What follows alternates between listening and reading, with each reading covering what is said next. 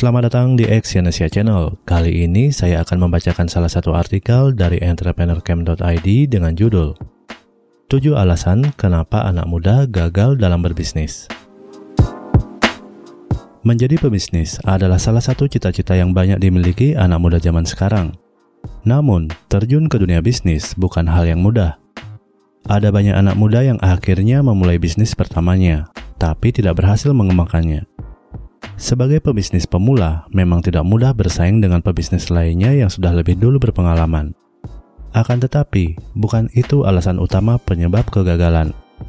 Ada berbagai faktor yang menyebabkan bisnis anak muda bisa gagal. Berikut hal-hal yang membuat anak muda tidak sukses dalam berbisnis. Yang pertama, Anda mungkin tidak cocok jadi pebisnis. Coba bayangkan bila semua orang adalah pengusaha, Lalu, siapa yang akan menjadi konsumennya? Tentu saja, jalan hidup setiap orang berbeda-beda. Mungkin Anda memang tidak cocok berwirausaha. Mungkin profesi yang lebih cocok untuk Anda adalah atlet, model, pemain film, penyanyi, dan sebagainya. Kenali diri Anda dengan baik. Cari tahu passion terbesar dan keterampilan yang paling Anda kuasai, sehingga Anda bisa berkarir di bidang yang lebih tepat sesuai dengan kemampuan Anda. Yang kedua, model bisnis tidak kuat. Persaingan bisnis semakin ketat. Anda tidak bisa asal-asalan atau berbisnis tanpa konsep yang matang. Namun, Anda perlu membuat model bisnis yang kuat agar dapat bertahan lama. Jika model bisnis Anda tidak kuat, Anda akan kesulitan mengatasi kompetitor dan tidak bisa memaksimalkan keuntungan. Daya saing Anda rendah karena bisnis Anda tidak memiliki nilai lebih yang signifikan. Yang ketiga, terlalu idealis dan tak realistis.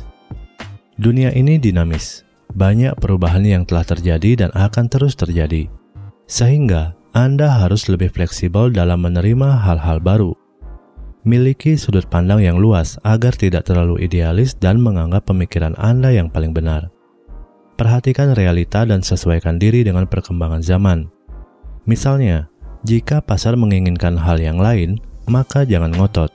Namun, cobalah memahami keadaan pasar saat ini dan lakukan penyesuaian agar Anda dapat memenuhi permintaan konsumen. Yang keempat, mementingkan diri sendiri. Dalam membangun networking dan menjalin kerjasama, Anda tidak bisa egois dan menang sendiri. Anda juga harus memperhatikan kepentingan orang lain. Ingat, bisnis Anda akan selalu berhubungan dengan orang lain. Jangan hanya karena Anda ingin untung, anda malah merugikan orang lain. Karena akibatnya, orang lain tidak akan lagi mau mempercayai Anda. Yang kelima, tidak persisten. Banyak anak muda gagal karena kurang menghargai proses. Padahal meraih kesuksesan itu tidak bisa cepat-cepat dan instan. Namun, Anda harus bersikap persisten.